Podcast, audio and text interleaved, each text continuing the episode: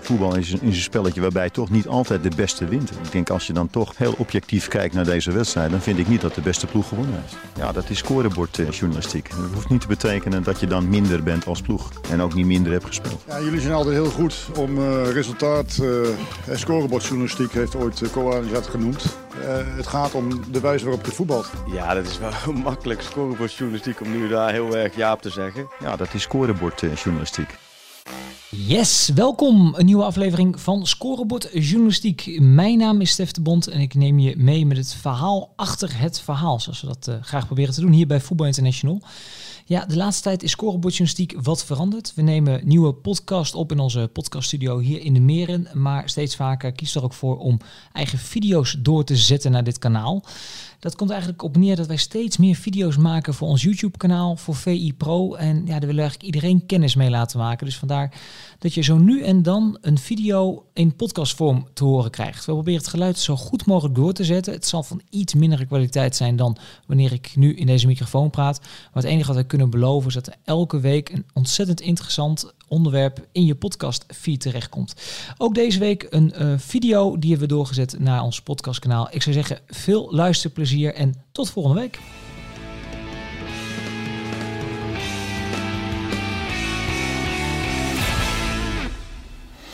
Ja, Johan Cruijff had nog nooit een zak geld een doelpunt zien maken. Maar wij weten inmiddels dat punten en munten met elkaar uh, ja, samenvallen.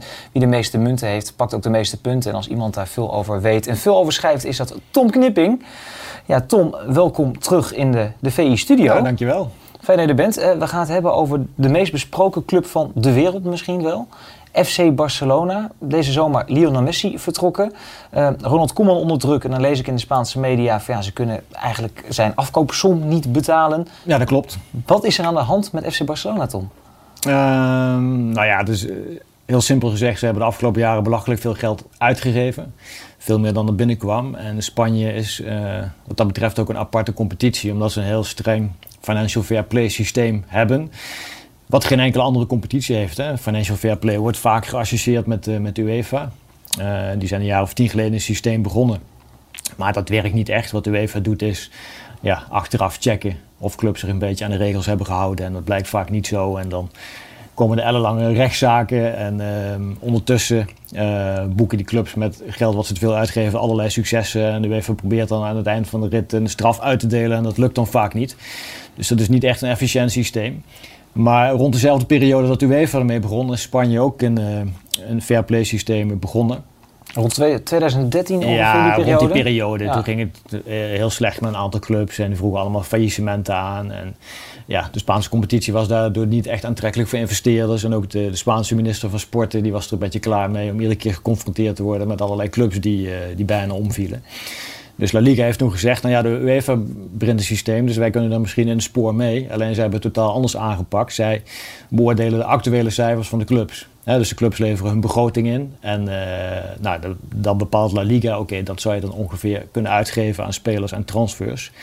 Dus elk seizoen stelt uh, La Liga een paar keer het maximale voetbalbudget vast. En daar vallen dan bijvoorbeeld transfers onder, maar ook de salarissen van de spelers, de, de leaseauto's, de gratis vliegtickets die ze krijgen. Het complete de, budget? Ja, de appartementen, de huizen waar, waarin ze worden neergezet. Maar bijvoorbeeld ook de afkoopsommen voor de coaches, die vallen daar ook onder.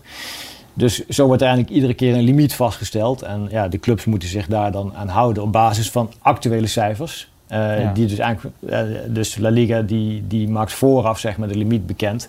En dat is natuurlijk totaal anders dan de UEFA die achteraf gaat, gaat, gaat controleren. Ja, waarbij je na, na afloop dan kan zeggen van jullie hebben het niet goed Ja. gedaan. Dan krijg je een waarschuwing en dan ga je een beetje rommelen ja, met de het zorgt ook wel voor veel frustraties hoor, bij Spaanse clubs. Want ja, en niet voor niks zegt die La Liga-baas ook heel vaak van ja, hoe kan dat nou met, met, City en Paris Saint-Germain? Er zijn spelregels opgesteld en uh, ja, ze houden zich niet aan, ze pissen eigenlijk gewoon in het zwembad, heeft hij volgens mij een paar keer gezegd. Hè?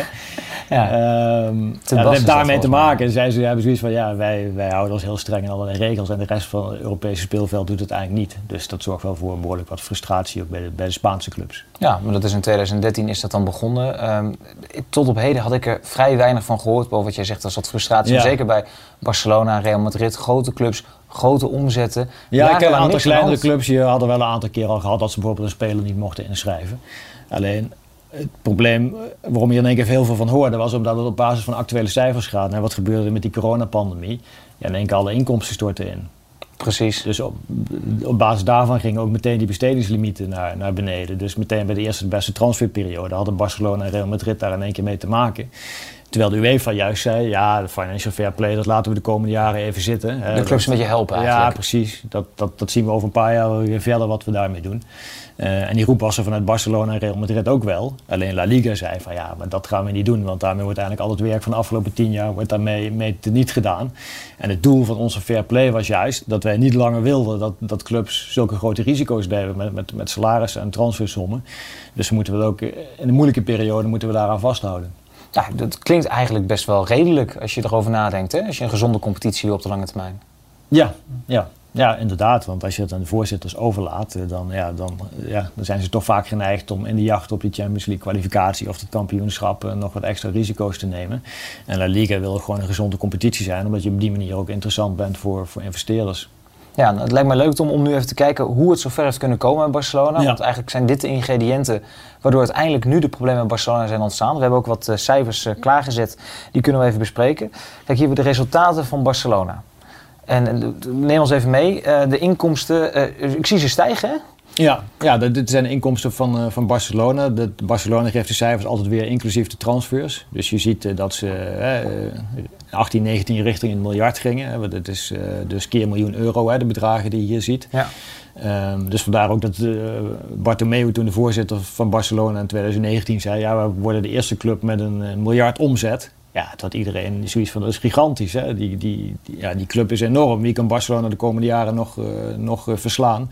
Maar je ziet ook dus dat de uitgaven ongeveer gelijke tred houden. Hè? Dus die gingen ook uh, richting het, het miljard. Um, maar goed, ze schreven die jaren nog wel, omdat ze ook een aantal goede verkopen hadden, uh, steeds zwarte cijfers. Net het resultaat bleef nog positief, dus het kon ja, nog. alleen je, je, zag al wel dat de druk om spelers te verkopen steeds groter wordt. Want in die inkomsten zitten dus spelers ver, verkopen Verkoop zitten erbij. Um, en in 2017 zijn ze meer risico's gaan uh, nemen hè, met aankopen. Hè. Uh, peperdure aankopen die ze hebben gedaan van 100 miljoen en meer. Even dus periode Dembele, Griezmann. Dembele, Griezmann, Coutinho en nou, Frenkie de Jong kwam toen ook. Hè. Dus uh, er werd enorm geïnvesteerd. en dus de uitgaven, de kosten gingen per jaar richting een miljard. Um, ja, dat betekent dus ook dat je flink wat spelers moet gaan verkopen. En dat was wel nieuw voor Barcelona, omdat zij natuurlijk altijd bovenaan in de voedselketen zaten. Was dat lange tijd niet nodig. Alleen uh, ja, als je inkomsten of uitgaven richting het miljard gaan, ja, dan moet je natuurlijk ook wel flink wat spelers gaan verkopen. Want dan kun je met kaartverkoop en tv-rechten en uh, Champions League inkomsten kun je dat niet terugverdienen. Ja, en dan moet ik dat even voor me dan zien dat er dan een, een penningmeester bij Barcelona is. Er zullen waarschijnlijk meer zijn met dit soort bedragen. Die dan constant aan het rekenen zijn van oké, we hebben deze inkomsten, dus we mogen volgens de La Liga-regels dit uitgeven. Is iemand daar constant zo mee bezig?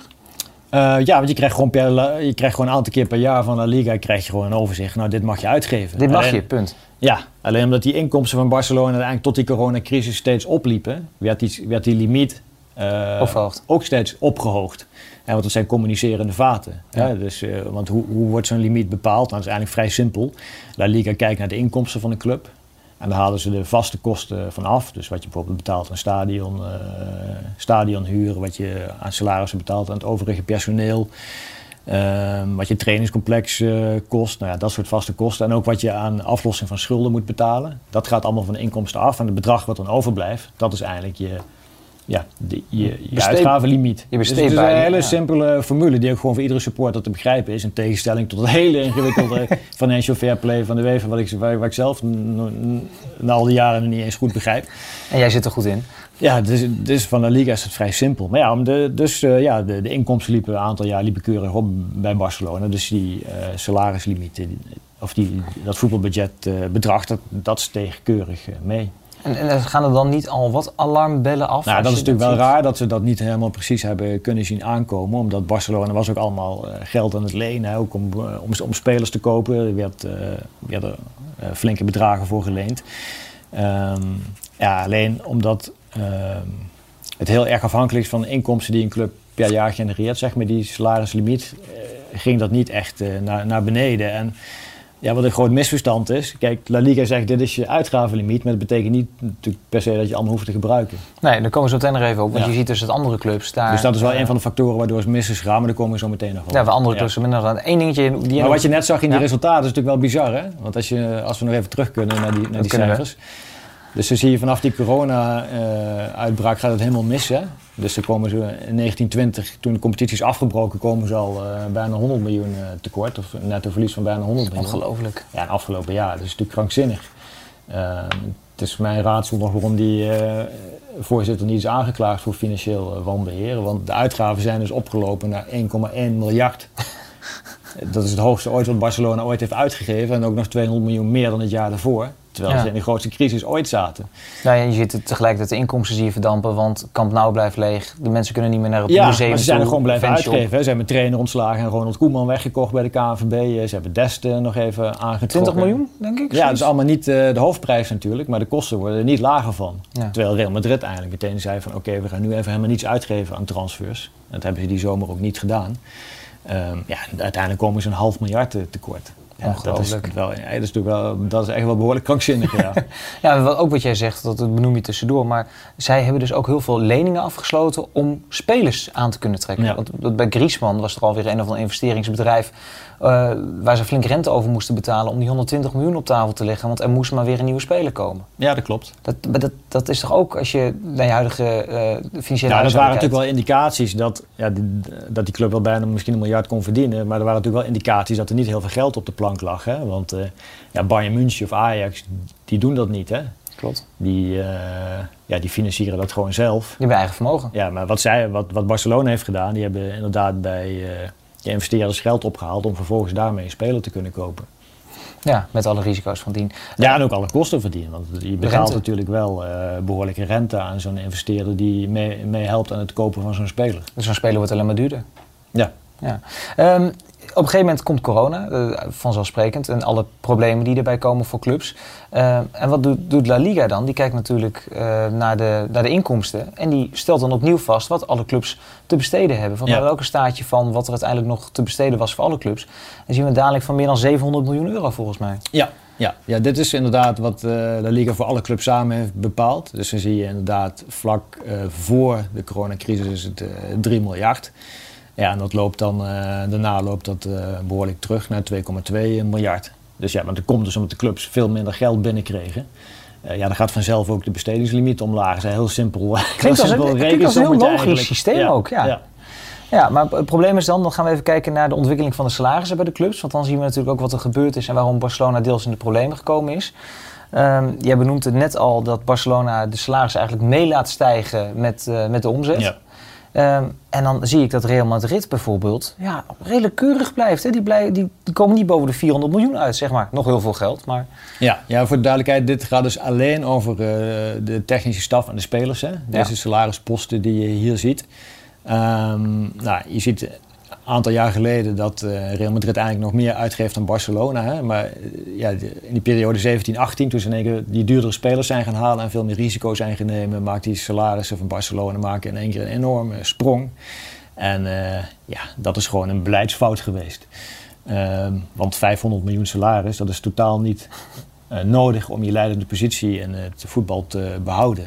nee, want Real, Madrid doet ook gewoon nog Europees mee en heeft 362 miljoen. Ja, maar dus het lijkt erop dat Barcelona heeft gedacht: oké, die, die, dat, salaris, of dat eh, salarisplafond van La Liga, dat is voor ons leidend. Ja. Hè, als zij zeggen we mogen 600 uitgeven, dan geven we 600 uit. Ja, Ja, dat is, dat is wel een inschattingsfout geweest. Want als je ziet dat jaar dat ze 500 miljoen uitgaven, was Manchester United de nummer 2 van de wereld. Die zaten op 375 miljoen. Zo. Dus dat is natuurlijk een heel stuk minder. Dus ze zijn eigenlijk gewoon de spelers gaan overbetalen. Ja, dat is een beetje in de periode van, van Messi. Messi maar binnenboord willen Ja. blijven houden. De vrienden van Messi, wat vaak Ja. gezegd is. Hè? Maar wat gebeurt, wat gebeurt er dan als vervolgens corona uitbreekt? Ja, dan zie je dat eh, Real Madrid een redelijke buffer heeft. Hè? Want Ja. die zaten qua voetbalbudget ongeveer in de gelijke orde van grootte. Zij houden dan eigenlijk eh, ja, een miljoen of honderd over ten opzichte van, van, het, van het plafond wat La Liga eh, Ja, vaststelt. het, het verschil zeg maar, tussen wat ze hebben uitgegeven en wat ze uit zouden Ja. mogen geven. Dan houden ze eigenlijk een plusje van 100 miljoen over. Ja, en Barcelona dus niet.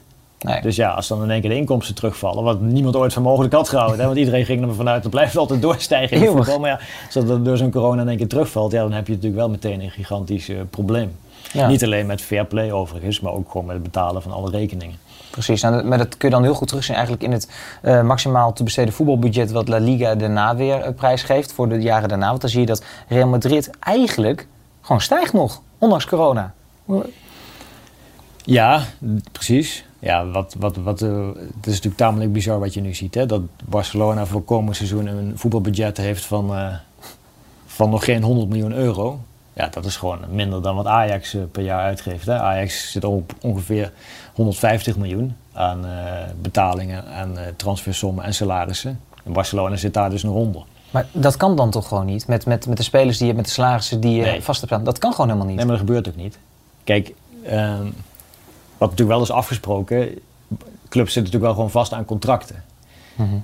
Dus op het moment dat een voetbalbudget wordt vastgesteld en je zit daar al boven, ja, er wordt niet verwacht dat, dat je dat in één keer, dat je in één keer, dat je in één keer al die contracten door de papierversnipperij doet. Zo werkt het natuurlijk niet. Je hebt gewoon afspraken gemaakt met spelers, met andere clubs over uh, transfersommen. Dat moet gewoon betaald worden.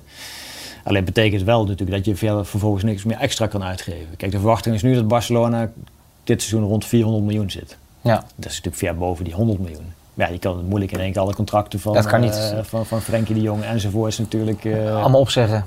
Opzeggen. Nou ja, dat, dat, dat, dat is onmogelijk. De afspraak is dus wel, als op het moment dat we voetbalbudget vaststellen en je zit er al boven, ja, dan mag je dat bedrag gewoon betalen. Alleen je mag niet zomaar uh, geld extra gaan uitgeven.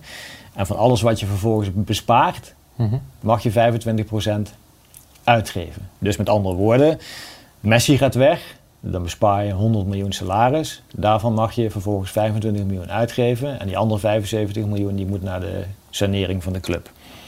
Ja, dus heb je vrij weinig te besteden uiteindelijk. Nou ja, dat gaf dus ook aan waarom het zo moeilijk was om uiteindelijk nog Memphis en Luc de Jong ingeschreven uh, te krijgen. Want ja, ze zaten natuurlijk rond die, uh, rond die grens van wat ze mochten uitgeven. Daar werd continu mee gespeeld. Ja, ja, je zit, ja het hikt er een beetje tegenaan. Nou, zeg en dat is ook meteen de verklaring waarom Ronald Koeman dus niet kan worden ontslagen. Want de ontslagpremie valt dus onder het voetbalbudget. Nou ja, ze mogen dus 98 miljoen uitgeven terwijl ze rond de 400 zitten. Dus dat betekent, je mag niet zomaar een uitgave doen. Mm -hmm. De enige mogelijkheid is dus een besparing doorvoeren en daarvan dus een kwart uitgeven. Dus met andere woorden, als zij 12 miljoen willen uitgeven aan een ontslag van Koeman, dan moeten ze ergens anders eerst 48 miljoen bezuinigen. Dus dan moeten ze opnieuw naar de spelers toe. Uh, moeten de spelers vragen om salaris in te leveren om de eigen trainer te Ja, te of je moet in januari, dat is natuurlijk eerst gewoon een logische optie, dat je dan iemand verkoopt en een bezuiniging doorvoert. En dan zou je de trainer kunnen ontslaan. En trouwens, de rest van de technische staf valt daar ook onder. Hè. Dus als we Schreuder moeten ze dan bijvoorbeeld ook voor betalen. En Larsson, als ze die allemaal ja. eruit willen gooien, dat, dat telt ook allemaal mee voor dat voetbalbudget. Dus het is niet zo eenvoudig om even. Dus van alle financiële ellende heeft Koeman ook nog een klein voordeeltje nu. ze kunnen hem niet zomaar uitgooien. Nee, maar, nee, nee, maar zonder gekheid, dit is, heeft toch niks meer met een voetbalclub te maken, met sportief beleid voeren. Nogmaals, of je nou vindt dat Koeman al dan niet nog het vertrouwen verdient of niet. Ik bedoel, dat, dat, daar hebben we Souli en anderen voor om dat hier te bespreken. Maar dat je al geen technisch beleid meer kan voeren omdat je er financieel zo slecht voor staat. Maar het is toch een wonder dat die club überhaupt nog overeind staat. Als je, hè, want Barcelona was al uh, de clubs met ongeveer de grootste schuld van heel Europa, rond een miljard. Ik geloof alleen Tottenham Hotspur heeft een hogere ja. schuld, maar die hebben net heel veel in een nieuw stadion geïnvesteerd. Dus dat is ergens dan nog wel te verklaren. Uh, en vervolgens leid je nog een keer een half miljard verlies. Dus een half miljard aan rekeningen kun je gewoon niet betalen. Moet je voorstellen dat je gewoon een bedrijf hebt hè? en dat je, dat je zo handelt. Dan, dan ben je al dus drie keer over de kop ja, gegaan. Dus dat half dat is dan weer opgelost met weer een uh, lening bij Goldman Sachs. Ja, de, betaal je weer 3% rente over. Een lening van een half miljard, ja, dat is toch weer... Uh, dan kan jij even snel uitrekenen hoeveel dat is. 3% hoeveel? over een half miljard. genoeg. ja, dat is in ieder geval genoeg. Dus dat zijn ze ieder jaar dan weer een rente kwijt. Ja, dus dat, dit is, hier gaat natuurlijk Barcelona jaren last van hebben om deze klappen te boven te komen. Nou, ik wil zo meteen met jou even nog kijken naar wat de oplossingen zijn voor de lange termijn. Ik wil heel veel terug ja, naar wat oh, ik nog wel ja? zelf wel... Want heel vaak wordt er gezegd bijvoorbeeld van ja, maar Bas, bij Real Madrid zijn die salarissen zo omlaag gegaan toen Ronaldo wegging. Dat klopt wel. Maar ook als je kijkt naar het jaar dat Ronaldo er nog was, ja. uh, zat Barcelona ook al bijna 100 miljoen boven het salaris van Real Madrid. Hè? Precies. Het geeft aan dat ze over de hele linie gewoon ja, veel te veel zijn gaan betalen. Ja, dus als speler zet je goed bij Barcelona, misschien nog steeds wel. Ja, ja. Ik wil nog even terug naar die, die laatste sheet. Uh, die vind ik wel interessant, want uh, daarmee zien we wel het verschil ook aan met Real Madrid en uh, zelfs met Atletico Madrid. Want ja, Real kan volgens de Spaanse voetbalbond 739 miljoen uitgeven. Het verschil, Tom, dat betekent toch ook dat er sportief eigenlijk helemaal niks meer te halen valt voor Barcelona de komende jaren? Als je, als je dit ziet zo. Nee, nee. Kijk, Real Madrid, uh, die, hebben, uh, die, die, hadden al een buffer, maar die zijn meteen gaan, gaan bezuinigen. En Real Madrid heeft zo, waarschijnlijk zoiets van, ja, de stadions die zitten komend jaar weer vol. Dus on, onze inkomsten gaan dan weer richting de 8, 8 900 miljoen ja, hebben veel lagere vaste kosten dan, dan, dan Barcelona kennelijk. Ja. En dan blijft er zo'n enorm ja, voetbalbudget over. En Barcelona heeft nog niet het hele jaarverslag uh, gepresenteerd. Maar ja, dat ze afgelopen jaar 1,1 miljard kosten hebben, ja, dat impliceert natuurlijk al dat ze ja, ergens gigantische vaste uitgaven hebben. Dat kan niet anders. Hè? Want aan spelersalaris hebben ze 500, 600 miljoen uit, of 500 miljoen ongeveer uitgegeven. Ja. Er blijft er nog 600 miljoen over. Dus die details zijn allemaal nog niet bekend. Maar waarschijnlijk zijn ze dus door. Uh, want de inkomsten van Barcelona zullen ook 700, 800 miljoen zijn als het hele jaar de stadions vol zitten. Maar door hun enorme vaste kosten. Plus alle leningen die ze hebben afgesloten, waar dus rente over betaald moet worden en aflossing. Ja, dat gaat allemaal af, zeg maar, van de, van, de inkomsten. En dan blijft er daar dus zo'n laag voetbalbudget over. Ja, waar die, hoe die kostenstructuur helemaal precies bij Barcelona in elkaar zit, dat is nog niet bekend. Want ze hebben tot nu toe alleen dus een aantal kerncijfers bekendgemaakt. We weten dus alleen 1,1 miljard kosten afgelopen seizoen. Ja, dus we wachten eigenlijk op het vuistdikke rapport met alle details erin waar je ja, kan achterhalen waar, waar die andere kosten zitten. Maar ja, wat ze nu aan voetbalbudget hebben, dat zijn ze mede nummer 7 van, uh, van La Liga.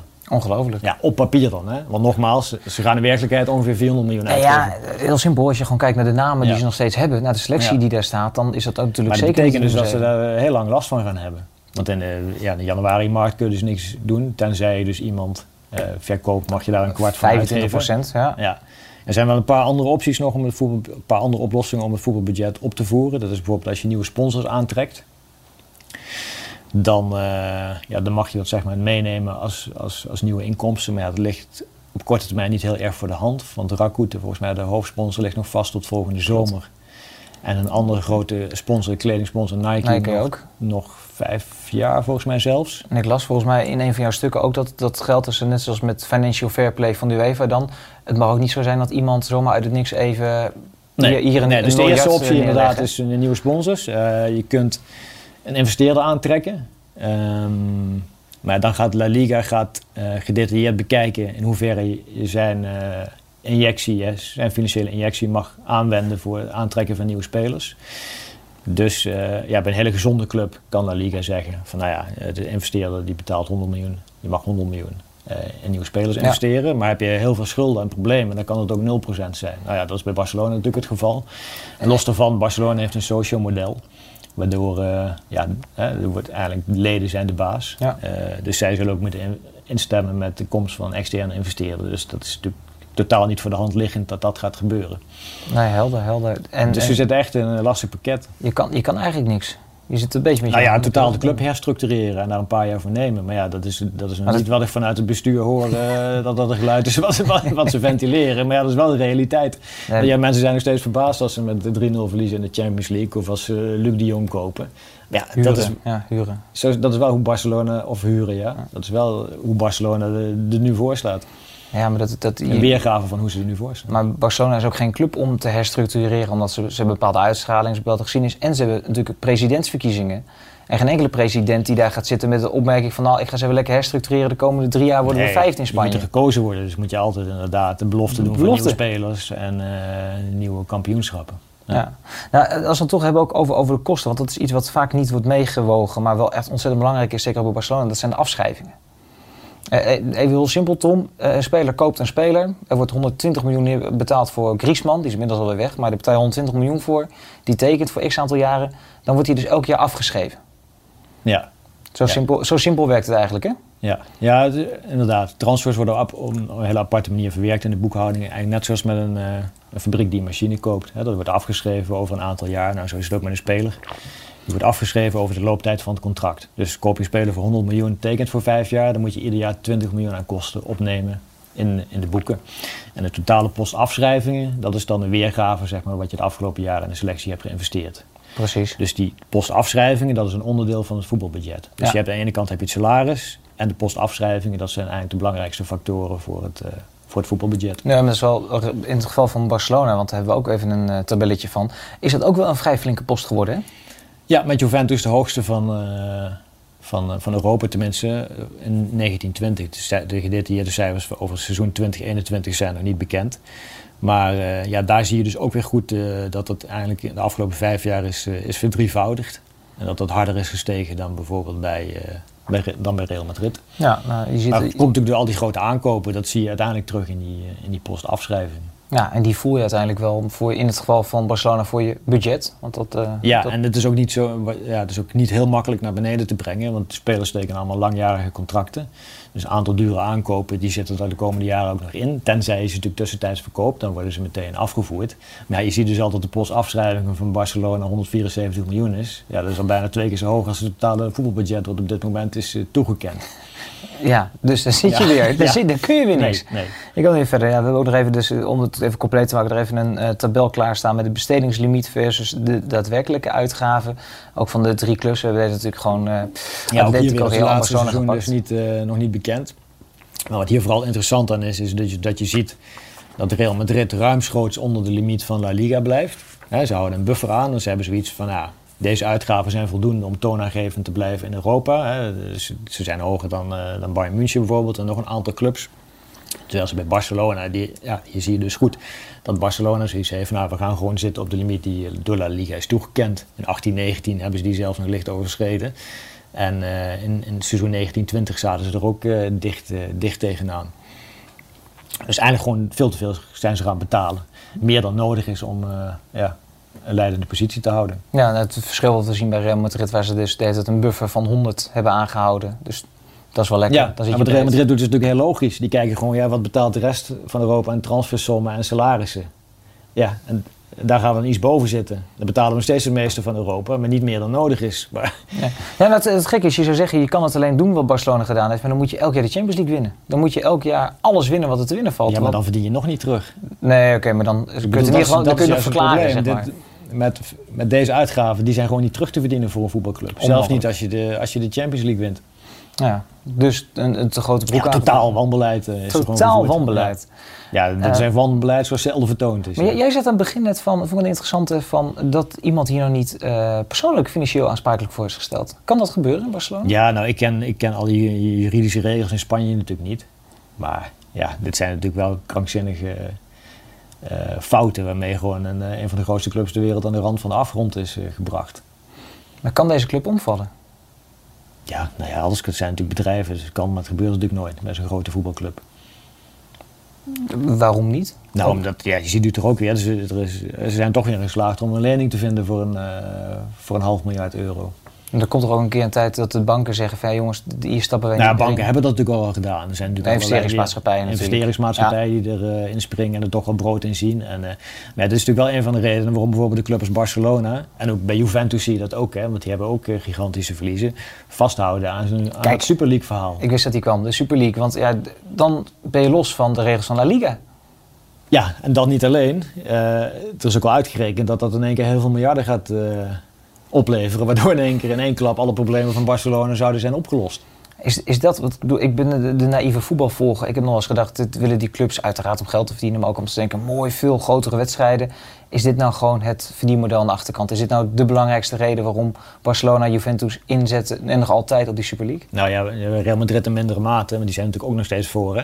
Maar want die zijn, uh, voor de duidelijkheid, Real Madrid is ook niet altijd eens met La Liga en zijn natuurlijk ook niet zo blij met alle uh, regelgeving die hun wordt opgelegd. Terwijl dat mm -hmm. voor Manchester City en Paris Saint-Germain enzovoorts niet geldt. Uh, maar ja, zeker voor Juventus, initiatiefnemer en Barcelona, is het natuurlijk, zijn de financiële problemen natuurlijk gigantisch. En voor hun speelt het een hele belangrijke rol dat ze doorgaan met die Super League.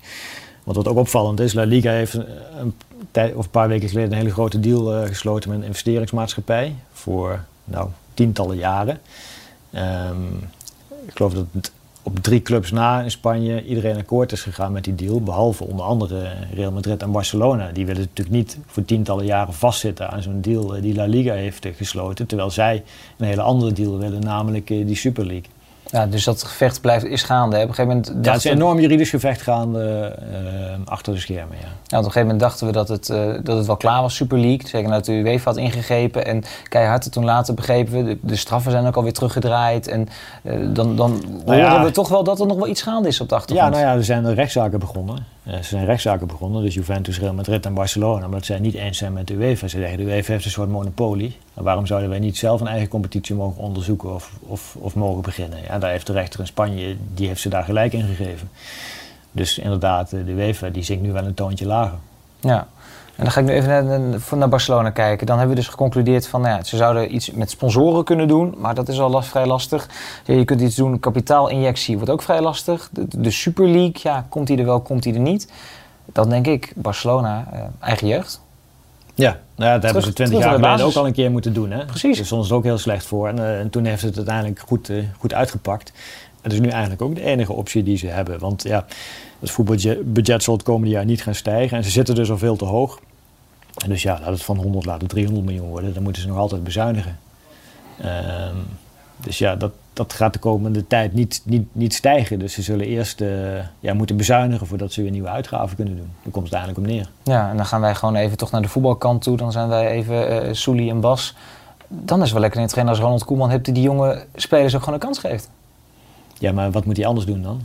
Ik bedoel, er is er ook niks anders en er- ze kunnen niks halen. Er is weinig alternatief. Nee, maar dat is natuurlijk een probleem van je kan Koeman... Nou, ik wil zeggen, je kan Koeman eruit gooien, maar dat kunnen ze niet. Maar stel dat je Koeman er en Ja, dat winter eruit kan eh, gooien. het zou ook iets belachelijk zijn. Waarom zou je daar 15 miljoen uit... En dan zet je er iemand anders voor en die, wordt dan er ook, die gaat ook niet in één keer de Champions League winnen. Die krijgt hetzelfde spelersmateriaal. Ja. Nee, maar dan heb je wel een trainer die in ieder geval bewezen heeft dat hij met jonge gasten wil werken en dat ook kan. Die er natuurlijk een beetje Nederlandse filosofie meegekregen heeft. Laat zo'n man eens gewoon 1, 2 jaar bouwen. Geef gewoon eens de tijd om met die jonge gasten te werken. En Ja. neem, neem voor lief dat je een keer vierde wordt in Spanje. Nou, vierde worden is natuurlijk wel heel belangrijk. Om in ieder geval nog bij de Champions League eh, kwalificatie. Dat is, dat is eigenlijk het eerste waar ze zich nu op zullen richten. Dat is die inkomstenbron natuurlijk eh, ook nog wegvalt, zijn ze helemaal ver van huis. Ja, precies. Maar, maar dat is toch het verhaal. Je hebt nu toch gewoon rust. is het enige wat Barcelona voorlopig kan redden, toch? Ja, maar dat heb je natuurlijk nooit bij zo'n club. Ik bedoel, er zijn zoveel stromingen en eh, ja, daar sp- speelt zoveel politiek. Dus dat is natuurlijk een illusie, dat gaat nooit gebeuren. Nee, maar wat, wat, wat is nu het voorland dan? Wat gaat er de komende tijd bij Barcelona gebeuren? Nou, dat blijft voorlopig crisis. ja, Zijn die, zijn die heel rustig? Ja. ja, en je weet alweer hoe het gaat. In januari hoopt iedereen op versterkingen. Maar ja, gezien hoe Barcelona ervoor staat en de regelgeving in Spanje, is dat gewoon totaal niet realistisch. Dus Nee, en wat, wat denk je uiteindelijk? Gaat er dan, ehm, wordt het dan toch een, kapitaal, een kapitaalinjectie om het dan nog enigszins recht te trekken? Of, ja, dat is al een keer gedaan natuurlijk, eh, eh, nog niet zo lang geleden. Toen hebben ze hebben 500 miljoen geleend bij Goldman Sachs. Dat is een, eh, een grote investeringsbank. Zeg maar, om in ieder geval de rekeningen te kunnen betalen. Maar ja, ik, ja als je hun kostenniveau, ja, die details hebben we nog niet, waar ze dan precies die 1,1 miljard afgelopen seizoen in hebben uitgegeven. Maar ja, het lijkt me niet zo dat je daar zomaar de, de helft van af kan halen. Dus de kans is natuurlijk heel groot dat ze ook dit jaar gewoon weer een netto verlies gaan maken. En daar zul je dan ook weer een oplossing voor moeten verzinnen. ja, de gaten dicht, eh, overal duct tape. ja, we hebben het nu over eh, financial ophangen. fair play, maar je moet ook alle rekeningen ieder jaar betalen. En als je een miljard aan uitgaven hebt, ja, dat gaat Barcelona waarschijnlijk niet aan inkomsten binnenhalen. Dus dan zitten ze weer met een gat wat ze moeten oplossen. Ja, ik vind jou erg somber over eh, de toekomst van Barcelona. Tom. Ja, maar ja, ik, heb, ik moet eerlijk zeggen, ik heb ook nog, nooit- nog nooit zulke dieprode cijfers gezien als nu bij Barcelona. Nee, want ik, ik hoor je van de week in de podcast over Ajax. Ajax maakt dan verlies, eh, mede door de coronaperiode. Ja, 8 miljoen volgens mij, hè? Ja, maar Ajax staat, Daar hebben we het natuurlijk- Ajax staat er natuurlijk totaal anders voor. Met een eigen vermogen. En, ja, eh, dat is een club eh, zonder schulden. En bij Ajax hebben nu een keer een verlies van 8 miljoen geleden. Maar je ziet natuurlijk heel duidelijk dat dat alleen door corona is gekomen. Hè? Dat die ticketverkoop is ingestort. Maar ja, nu dat dit seizoen gewoon weer de stadions vol zitten, verdient Ajax genoeg om een uitgave van te kunnen betalen. Dus dat is geen enkel probleem. ja. Sterker nog, ik denk dat Ajax juist eh, goed uit deze coronacrisis komt als je dat vergelijkt met eh, hun Europese concurrenten. Er zijn natuurlijk maar heel weinig clubs eh, die, die, die, die zonder schulden waren. En ik zie ook verliezen bij Manchester United van 100 miljoen, bij Juventus van, van 200 miljoen. Ja, dat zijn natuurlijk allemaal vrij dramatische cijfers. natuurlijk. Dan vind ik 8 miljoen bij Ajax vind ik nog wel, lijkt me nog wel acceptabel. Ik heb de indruk dat we nog uh, drie, vier van deze video's op kunnen nemen met andere Europese Ja, we kunnen, iedere dag kunnen we wel eentje doen. Uh. nee, maar dit, dit, was in ieder geval een goede duiding. Uh, Tom, tot slot. Ronald Koeman, hoe lang blijft hij nog zitten? Als ik jou zo beluister, nog, nog nou ja, ik heb geen glazen bol, maar op basis van de regelgeving in Spanje zou ik zeggen minimaal tot de winterstop. Want dat zou het eerst volgende moment zijn, waardoor waar, dat de transfermarkt open gaat, dat Barcelona bijvoorbeeld een speler kan verkopen, af kan voeren van de salarislijst. En dan heb je een bezuiniging waarvan je dan een kwart mag uitgeven. Om je trainer eruit te kunnen gooien, maar ook ja, weer een nieuwe trainer er neer ja, te kunnen zetten. ik zou het nooit doen. Dat zou natuurlijk belachelijk zijn. Maar ja, als je vraagt wat is het eerstvolgende moment, dan, dan zou ik zeggen dan. Nou, zoals je eerder al terecht opmerkte, het was het enige uh, positieve nieuws misschien voor Ronald Koeman nog in deze donkere Barcelona-tijden. Ja, voor zover hij zelf nog ziet zitten natuurlijk. Ja, om het op de lange termijn uh, bij zo'n club aan het roer te staan. Om die hele financiële herstructurering uh, ja, door te voeren. Ja, ook, uh, ook dat heeft te maken met, naast het feit dat hij natuurlijk de speler is geweest van die club, houdt ook gewoon met salarissen. Het ook gewoon te ja, maar denk je dat, hij zegt wel achteraf had ik het ook gedaan, maar ja. Stiekem, als je nu... Geloof jij dat? Ik denk dat hij ook best graag nu rustig in Zeist had gezeten met Nederlands elftal. Lekker naar het WK toe, voor de prijzen spelen het was een slecht moment om in te stappen. Nou, ja, het slechtste moment, slechtste moment ooit natuurlijk. Ja, ja kijk, het was toen wel te voorspellen natuurlijk dat die club er niet heel florissant voor stond. Maar zo dramatisch, eh, ja, dat wist eigenlijk niemand, hè?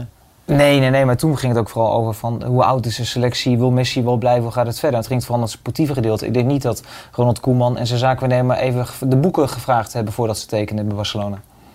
Nee, maar dan nog, van, eh, op dat moment zagen de cijfers ook ja, niet heel rooskleurig uit, maar ook niet zo dramatisch zoals we, zoals we ze nu kennen natuurlijk. Ze zijn uh, vrij pijnlijk. Hey, Tom, dankjewel. Ik stel voor dat als uh, het complete jaarverslag van Barcelona er is, dat we gewoon nog even een updateje doen. Want volgens mij is er genoeg te bespreken. Want ik ben nu ook wel benieuwd waar de rest van dat geld zit. Van die nou, ruim 1 miljard. Ja, daar ben ik ook wel benieuwd naar. Ja. Dus uh, daar, daar, komen we zeker op terug. Ehm, rest mij om ja, jullie vooral naar VI Pro te laten gaan voor de rubriek Munten en Punten van Tom Knipping. En de andere video's op YouTube en vi.nl. Dankjewel voor het kijken. Thanks.